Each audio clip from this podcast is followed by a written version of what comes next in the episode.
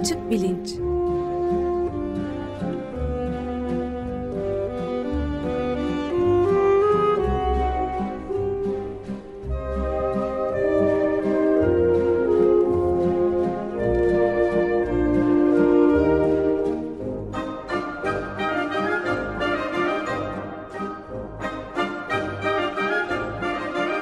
Güven Güzeldere ile bilim ve felsefe sohbetleri. Günaydın Güven Bey, merhabalar. Günaydın Ömer Bey. Günaydın. Günaydın Özdeş.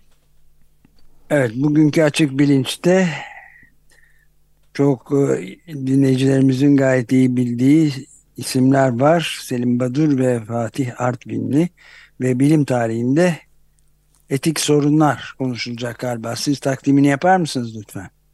Evet aslında geçen haftaki tartışmaya da kaldığımız yerden devam ediyor olacağız. Ee, konuklarımız Profesör Selim Badur ve Doçent Doktor Fatih Artvinli. Hoş geldiniz, merhaba. Merhaba Güven Bey, Ömer Bey, e, Özdeş, merhaba. Selamlar, hoş geldiniz. Merhaba, hoş bulduk. Hoş Merhabalar. bulduk. Şimdi kısaca hatırlatayım. Geçen hafta e, Profesör Selim Badur bize e, bilimdeki tuhaflıklardan, sahtekarlıklardan, acayipliklerden bahsetmişti ve genellikle e, tıp alanından e, çok ilginç örnekler vermişti. Bu programın e, yani geçen haftaki programın sonlarına doğru iki de söz verdik. Bir tanesi e, bu suyun hafızası konusunda e, işte çalışmış olan, iddialarda bulunmuş olan e, Profesör Selim Badur'un da tanıdığı ve bir zamanlar meslektaşı olduğu Jacques Ben Veniste'nin hikayesini anlatmak. Bunu ileriki bir programda yapacağız. Sözümüz söz. Bir başka sözümüz de e, günümüzde e, baskın hale gelen liberal yaklaşımın bilim e, ve bilim etiği üzerindeki baskısı ve ne şekilde e, onu e, etkilediği konusunu konuşmaktı. E, hatta e, bir de yanımıza bu konuları iyi bilen bir tıp tarihçisi, bir tıp etikçisi birisini alabilirsek e, ne iyi olur demiştik. Bu hafta bunu gerçekleştiriyoruz. E, hepinizin tanıdığı isimler aslında Profesör Selim Badur'da, e, Fatih Artvinli'de ikisi de daha önce konuğumuz olmuşlardı. Açık Bilinç'te ve Vakainame'de. E, Doçent Doktor Fatih Artvinli'nin Acıbadem Üniversitesi Tıp Fakültesi'nin tıp tarihi ve etik ana bilim dalında öğretim üyesi olduğunu da söyleyeyim. Yani aslında tam aradığımız kişi. Ee, ve böylece daha da uzatmadan aslında konuya girelim. Ee, geçen hafta dedik ki işte bilimsel bilgi üretmek insani bir iş olduğu için e, insani zaaflar bilimde de kendini gösterebilir ama bunları ortaya çıkartıp düzeltme mekanizmaları da aslında bilimin içinde var gibi gözüküyor ki e, çok önemli bilim insanları bile işte bunların içinde Nobel almış olanlar da olsalar yanlış bir şey yaptıklarında en de sonunda bu ortaya çıkıyor. E, öte yandan e, işte bu liberal yaklaşımın üniversiteler ve akademi üzerinde bir baskı yarattığını söylemek de mümkün. Belki bu e, bilimdeki sahtekarlık oranını da arttırıyor olabilir. Biraz bundan konuşalım e, istiyoruz ve ne yapılabilir, ne şekilde ilerlenebilir bunlardan da biraz bahsedelim istiyoruz. E, Selim Bey isterseniz sizle başlayalım mı? Tabii çok teşekkürler tekrar e, bir arada olduğumuz için çok da mutluyum. E, özellikle aramıza Fatih'in de katılması e, çok güzel oldu. Şimdi biz e, sizin de belirttiğiniz gibi geçen hafta bilimsel e, sahtekarlıkların ya da galiba sizin e, tanımlamanız ki daha doğru bilimsel yanıltmaların nedenleri üzerinde durmuştuk. Bunu tekrarlamak istemiyorum ama bugün e, biliyoruz ki bilimin kendini ifade etme aracı araştırmalar ve yayınlar. E, hiçbir e, bilim insanı bir laboratuvarda çalışmalar yaptıktan sonra çalışmalarda elde ettiği sonuçların laboratuvarın dört duvarı arasında kalsın diye yapmaz. Amaç ulaşılan sonucu tüm bilim dünyasına sunmak ve olabildiğince sorgulanmaya, eleştiriye açmaktır. Nitekim Karl Popper ki e, bu bilim felsefesiyle çalışan e, önemli bir bilim insanı kendisinin çeşitli kitapları da Türkçe'ye çevrildi. Bunlardan bir tanesi bilimsel araştırmanın mantığı yapı kredi yayınlarından çıktı ki oldukça da önemli bir kitap. Onun tanımlaması bilimin en önemli özelliğinin yanlışlığının gösterilebilir ve düzeltilebilir olması diyor ki çok doğru bir tanım. O zaman biz bugün evet. bilimsel araştırma ve yayın etiğine bakalım isterseniz. E, hemen e, şu cümleyle başlamak doğru olur. Konuya böyle bir giriş olabilir. E, araştırmanın temeli dürüstlüktür aslında. Projenin başından yayınlanmasına dek tüm aşamalarda dürüstlük ve ahlak esası önemlidir. Ve e, sözü Fatih'e bırakmadan önce yayın etiğinin tanımlanmasındaki bazı e, vurgu yapmak istiyorum. Bir araştırmanın planlanmasından, yapılmasından yazı haline getirip yayınlanmasına dek geçen tüm aşamalarında hem çalışmayı gerçekleştiren araştırıcıların hem bu kişilerin bağlı olduğu kurumların, varsa destekleyenlerin, aynı zamanda e, yazı şekline dönüştükten sonra gönderilen derginin editör ve hakemlerinin gözetmeleri ve uymaları gereken dürüstlük, kural ve teamüllerinin tümü yayın etiği olarak tanımlanmakta. Bir kere hemen şunu belirteyim bütün bu söylediğim dürüstlük, kural ve teamüllerin tümü bu da ancak özgür bir akademik ortamda mümkün. Bunu da unutmamak lazım. O zaman eğer siz de uygun görürseniz Ömer Bey, e, sevgili e, biraz yayın etiği e, ve bilimsel etik konusunda e, e, Fatih'in söyleyeceklerini dinleyelim. Tabii, ee, çok teşekkürler. Ee, e, Selim Hocam'ın söylediği e, yerden devam edeyim hakikaten bilim yani herhangi türden bir araştırma eğer bu bir insansal eylem ise ve insan tarafından ortaya konulan e, bir süreç olarak düşünürsek bilimi diğer insansal faaliyetlerdeki geçerli olan tüm e, e, etik tartışmalar burada da esasen e, geçerli. Yani şunu söylemek istiyorum. E, etosun iki anlamını birlikte bir arada düşünürsek belki de dinleyicilerimiz açısından daha kolay kavranması gerek e, kavranması daha kolay hale gelebilir. Geçtiğimiz kayıtta bahsedilen örneklerin tamamında bir yanıyla e, bilim insanlarının karakterinden, kişiliğinden e, sapma, yanıltma e, veya doğruyu gizleme, e, manipülasyon gibi pek çok e, bir açıdan bilerek, bilmeyerek e, veya kasıtlı zaaflardan yahut hatalardan, e, yanlışlardan bahsediyoruz. Dolayısıyla insansal bir durumdan bahsediyoruz. Etosun bir anlamı yani kişilik, karakter, huy gibi etimolojik olarak bir anlamı bu. Diğer bir anlamı ise töre, olduğu gibi yaşamak ya da alışıldık bir hayat tarzı. Dolayısıyla e, bu ikisini bir arada düşünürsek bir yanıyla kişiye bağlı bir e, kişilik örgüsünden bahsediyoruz ahlaki kısımdan, moralitiden, diğer açıdan da toplumsal e, bir durumdan bahsediyoruz. İçinde yetiştiği kültürel konteksten veya e, içinde yer aldığı tarihsel toplumsal dilimden bahsediyoruz.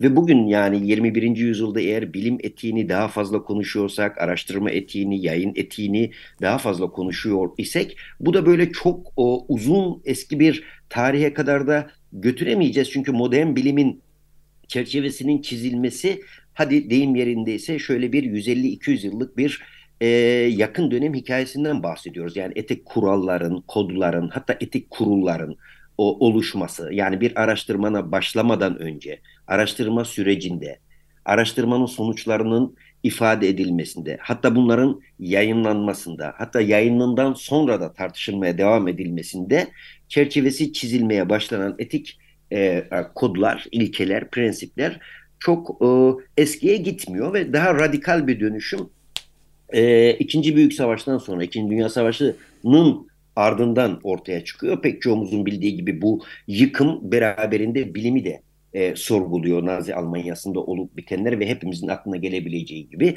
Nazi tıp deneyleri ilk e, aklımıza gelen insanları bir denek olarak bilim araştırmasında veya e, adına bilim denilen araştırmalarda birer malzeme, nesne veya araç olarak kullanmak. Yani rızaları alınmayan, onamları bulunmayan e, zorla ve e, tabii ki savunmasız insanlar üzerinde yani mahkumlar, savaş esirleri, Yahudiler e, veya ağır psikiyatrik hastalar gibi e, ve bu kamplarda yapılan 1933-45 yılları arasındaki bütün bu e, deneylerin ardından e, savaş sonrasında ilk bize bu çerçeveyi çizen bir e, mahkeme e, e, oldu.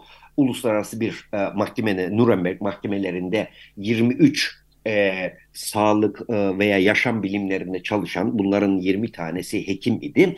E, bu davalıların yaptıkları e, son derece korkunç e, e, deneylerin e, tartışılması e, ardından e, bir kod ortaya çıkmıştı. Buna biz Nuremberg kodu diyoruz. Esasında 10 tane ilke belirlemişti. Yeniden insanlığın, uygarlığın böyle korkunç bir e, e, e, durum yaşamaması ve insanları bu kadar e, adı bilimsel araştırma olan fakat esasında hiçbir şekilde bilime hizmet etmeyip bilakis insan onurunu veya insanın varlığına birebir zarar veren, onu hiçe sayan bir takım mekanizmaların önlenmesine, bir sonraki kuşakta önlenmesine yönelik bir koddu. Genel çerçevesi bugün de geçerli.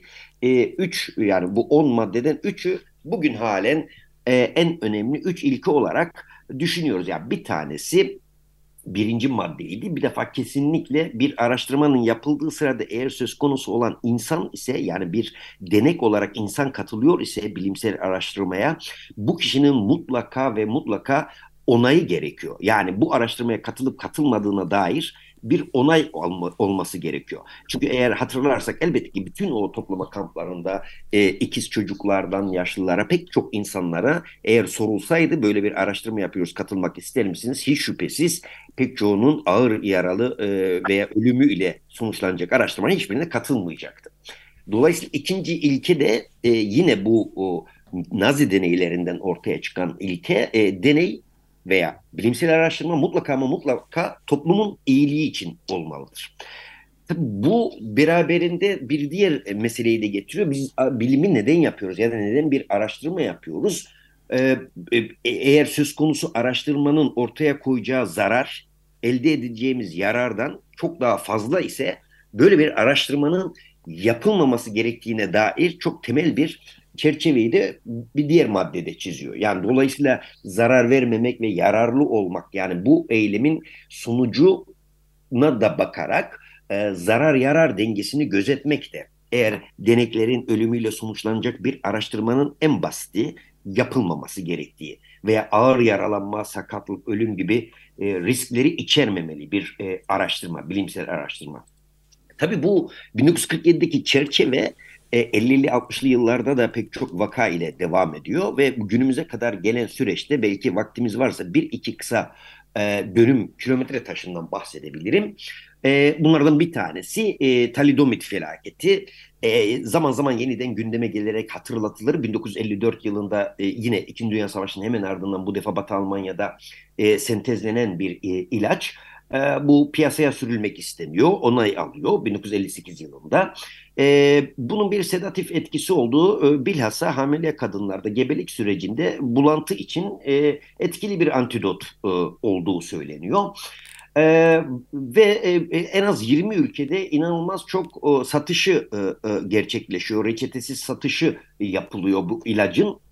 Ve e, talidomidin e, gebe kadınların yüzde otuz beşinde e, tek bir doz dahi bu ilaç kullanıldığında e, deformiteye e, e, sahip yani belli bir bozukluk ile bebeklerin doğumunu e, tetiklediği ve buna neden olduğu e, ortaya çıkıyor.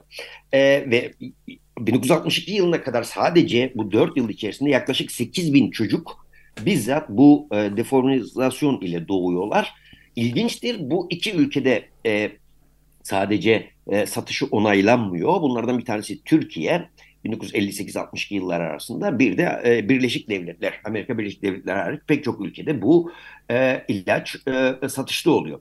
E, bunun e, anısı daha sonra özürü ve diğer pek çok başka bilimsel skandallarda olduğu gibi kuşaklar boyu hatırlanıyor ve tartışılıyor. Bu da şüphesiz bilime duyulan güven ya da inancın özellikle insanların üzerinde yapılan deneylere ilişkin bir güvensizlik oluşturuyor ki bunun hemen hemen aynı yıllardaki bir diğer örneği de e, Tuskace sifilis deneyi.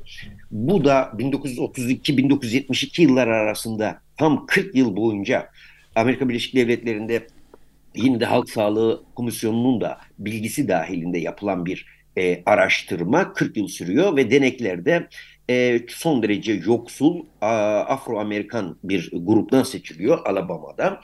E, burada ilginç olan e, 1932 yılında deneyin amacı e, sifiliz e, e, ile ilgili hastalığın nasıl ilerlediğini, çocuklara nasıl geçtiğini e, ve evrelerini e, çalışmak.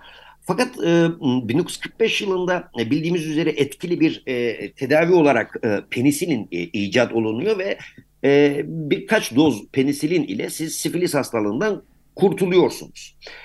Fakat bu etkili tedavi bulunmasına rağmen e, devam eden 30 yıl boyunca yine e, kontrol grubu ve deneklere bu etkili tedavi var olduğu halde, penisilin var olduğu halde bu verilmiyor ve e, pek çok çocuk bu şekilde e, sifilizli olarak, konjenital olarak, e, doğumdan sifilizli olarak yaşamlarının e, seyrini hastanın nasıl ilerlediği görülüyor.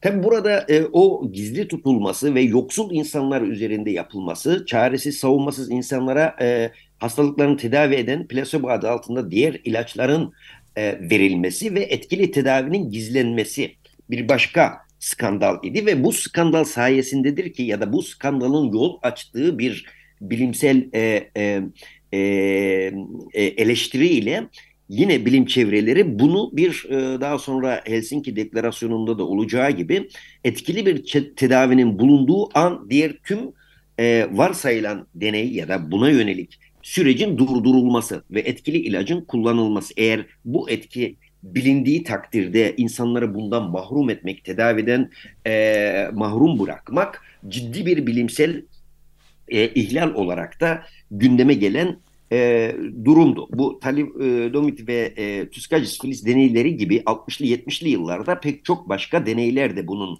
e, e, birbirini takip etti. Bu skandallar ile birlikte bilim etiği daha fazla tartışmaya açıldı. Hatta biraz önce bahsettiğim e, e, Tuskagis filiz e, e, deneyinin e, 30 sanırım bittikten sonra yani 30 yıl sonra Clinton'un bir özür metni e, yayınlanmıştı ve tıptaki ırkçılığın e, sembolü olarak e, belirtmişti. Bunu aynı zamanda da insanların e, insanları e, hastaları suistimal olarak e, belirtilip bir e, e, özür dilenmişti. Çünkü söz konusu olan insanlar savunmasız, yoksul ve siyah insanlardı. Onlar üzerinde e, manipülasyon ile yeterli bilgi vermeden ve rızaları asla alınmadan yapılan deneylerdi. Buna benzer deneyler e, mahkumlar üzerinde, e, özellikle kadınlar, gebeler üzerinde, e, etnik gruplar üzerinde veya diğer savunmasız işte yetimler, öksüzler yurdunda yapılan deneyler, askerler veya öğrenciler üzerinde de yapılmıştı. E, bu süreçler bizi e, 1970'lere e, getirildiğinde acaba e, neden e, bilimsel bir araştırma henüz sonuçlarıyla skandal haline gelmeden evvel ne yapılabilir sorusunu önleyici olarak bilim kendi içerisinde bu tip e, durumları ve e, zararları nasıl engelleyebilir e, ve nasıl bir denetim yapılabilir, iç denetim. E, bu da bizi 1980'li yıllarda etik kurulların yani bir bilimsel araştırma projesi hayata geçmeden önce ön bir metninin hazırlanması ve bu protokolün tarafsız diğer üyeler tarafından okunması olası zararlar konusunda gerekirse revizyonların istenmesi ve nihai metnin ve mutabakatın bir vaat ya da söz olarak imzalanması, deklare edilmesi şeklinde bu etik kurulların yaygınlaştığını gördük. Daha sonra bunu e, diğer kurullar takip etti. Klinik e, araştırmalar e, kurulu, ilaç araştırmaları, insan doku araştırmaları gibi diğer kurullar da 90'lı yıllardan itibaren Türkiye'de dahil olmak üzere çevre ülkelerde veya diğer ülkelerde hızla yayılmaya başladı. Ee, Fatih Bey bir şey sorabilir miyim arada? Birincisi talidomid bu e, grip ilacıydı galiba ama büyük bir skandal oldu. İkinci ilaç bu frengi ile ilgili olarak söylediniz sifilisle. O ikinci ilacın adı neydi? E, ikincisi e, sifilis için e, etkili bir tedavi 1945 yılına kadar yoktu ve penisilin evet. Penisilinin Penisilin. icadı ile birlikte bugün de e, altın standart. Yani penisilin ile daha önce 1945 öncesi tedavi edilemeyen sifilis bakteriyel bir e, e, bulaşıcı hastalık.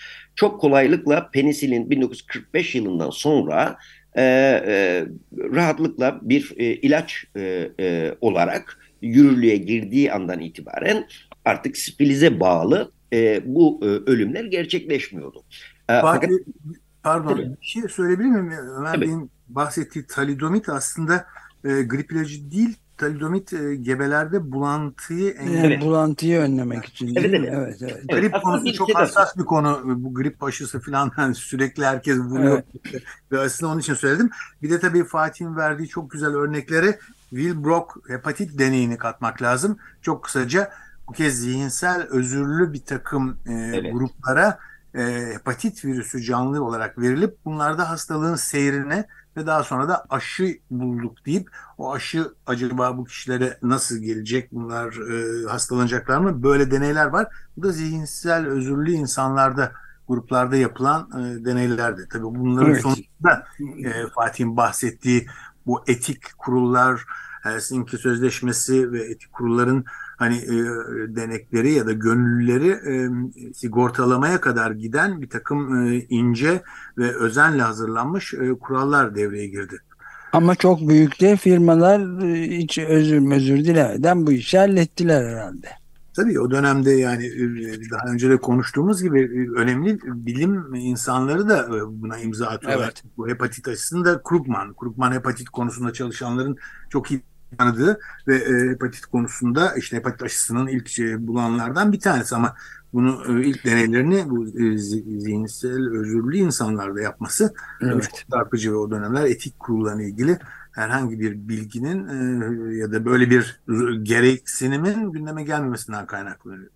Evet Peki hatta ben, o durum Pardon, e, Fatih'in sözünün sonuna gelemedik henüz ama ben de hemen bir şey sormak istiyorum çünkü zamanımızın da sonuna geliyoruz. E, şimdi geçen haftaki programda e, Selim Badur bir takım örnekler e, vermenin yanı sıra hangi ülkelerde e, bilimsel sahtekarlık daha çok yapılıyor ya da ne kadar çok işte makalenin geri çekilmesi gerekiyor falan gibi istatistikler de paylaşmıştı. Şimdi bu Tuskagi'deki Frangi çalışması falan gibi şeyleri artık bugün yapmanın imkanı yok. Etik kurullar falan bence bunu engelledi. Ama bir takım başka sahtekarlıklar hala yapılabiliyor. İşte kimisi başkasına doktora tezi yazdırıyor, kimisi datasını e, verilerini manipüle ediyor. İşte ol, bulmadığı şeyleri bulmuş gibi gösteriyor filan. Hatta şunu da söyleyeyim.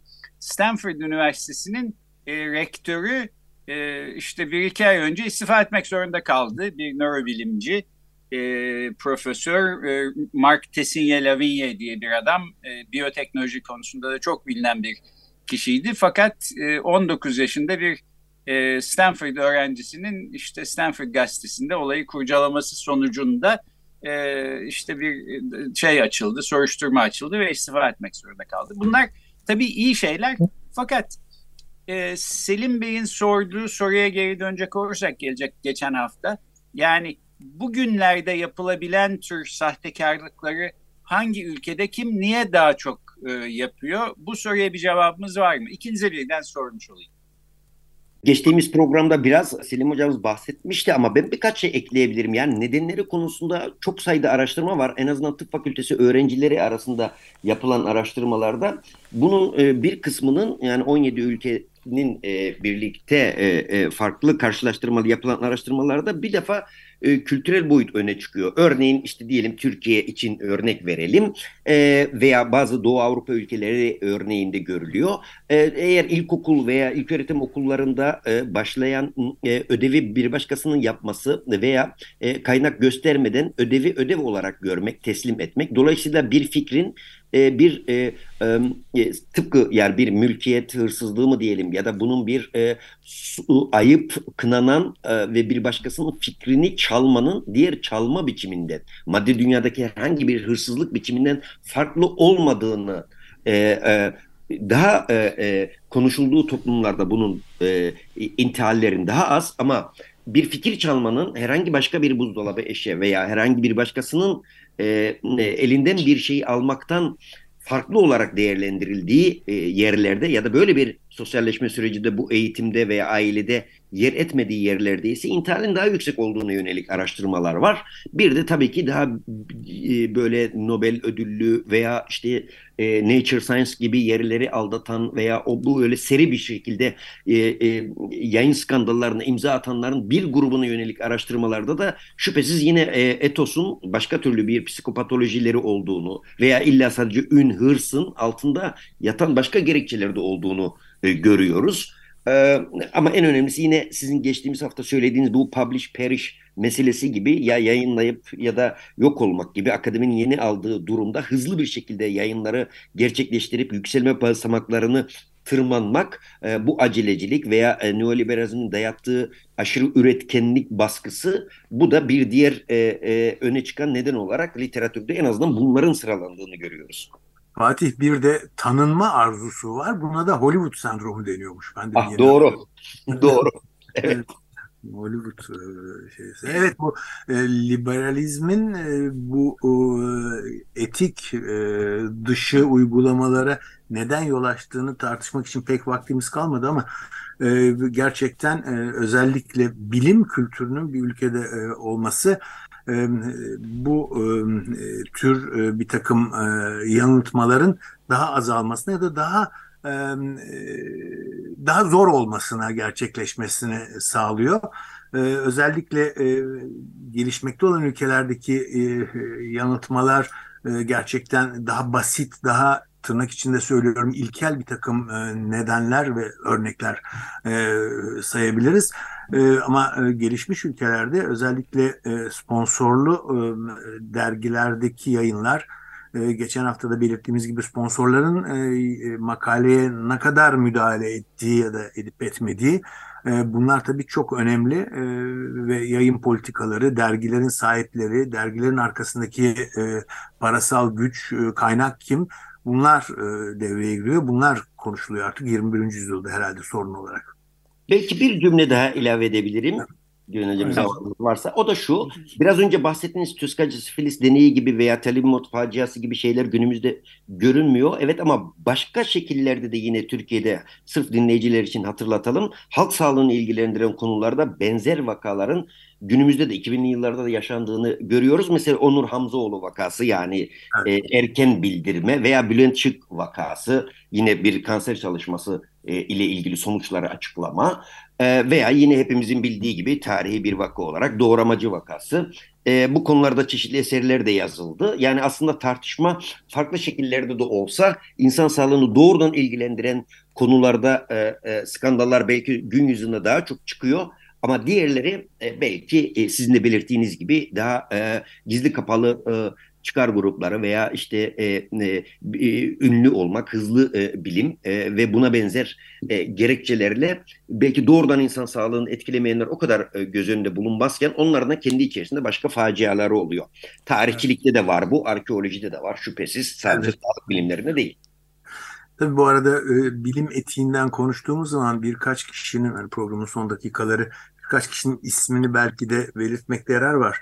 E, bu konuya önem veren, bu konuda e, dikkatleri çekip e, bilimsel ortamlarda etik konusunu gündeme getiren Profesör Emin Kansu, Profesör Şevket Ruhacan, Profesör Hasan Yazıcı, Sayın Berna Arda gibi isimler ve Türk Tabipleri Birliği'nin etik e, komisyonları, Profesör Kurtuluş Töreci e, bu kişiler hep bu konuları Türkiye'de gündeme getirip e, gündeme taşıyan ve önemini vurgulayan hocalar ve özellikle son yıllarda da Bilim Akademisi'nin Sarkaç isimli web sitesinde Bilim ve Teknoloji dergisinde de bu etik konusu sık sık ele alınmakta, önemi vurgulanmakta. Evet ben de e, böylece programı bitiriyoruz. Fakat buna katıldığımı söyleyeyim yarım dakika içinde müsaadenizle. Çünkü e, bilimsel etik konusunda ısrarcı olmak çok önemli. Burada kültürel bir unsur da var gibi düşünüyorum. Yani Türkiye sonuçta e, YÖK diye bir kurumu kurmuş ve bunun başına da emek hırsızlığı yapmış. Başkalarının eserlerini kendi eseri gibi göstermekten çekinmemiş bir kişiyi getirdi. Dolayısıyla bilimsel sahtekarlık her kültürde veya her ülkede belki aynı cezaya tabi olmuyor. Evet. E, benzer bir şekilde işte e, ekonomimizi yöneten ve bugünkü hallere gelmesinde büyük payı olan kişinin de doktora derecesini parayla satın aldığını e, işte ortaya dökülen e, elektronik postalardan öğrendik. Ama e, bu doktora derecesini bir e, doktora tezini bir asistana yazdırıp bu dereceyi almasını sağlayan e, üniversite hocası da ödüllendirildi bunun üstüne cezalandırılmadı tam tersine. Dolayısıyla böyle bir ortamda tıp etiği veya bilimsel etik konusunda ısrarcı olmak herhalde daha da önemliymiş gibi geliyor bana. Ee, bu, bu, bu şekilde de süreyi bitirdik galiba maalesef. Peki e, uzattık da biraz kusura bakmayın daha herkesin söyleyecek lafı vardı mutlaka ama böylece e, toparlayalım. Bugün e, mikrobiyolog Profesör Selim Badur ve tıp e, etikçisi ve tarihçisi doçent doktor Fatih Artvinli konuğumuzdu. E, bilimdeki tuhaflıklar konusunu konuşmaya devam ettik. Herkese çok teşekkür ediyorum katıldığınız için. Çok teşekkürler. Sağ olun. Teşekkürler. Teşekkür ederiz. Görüşmek üzere.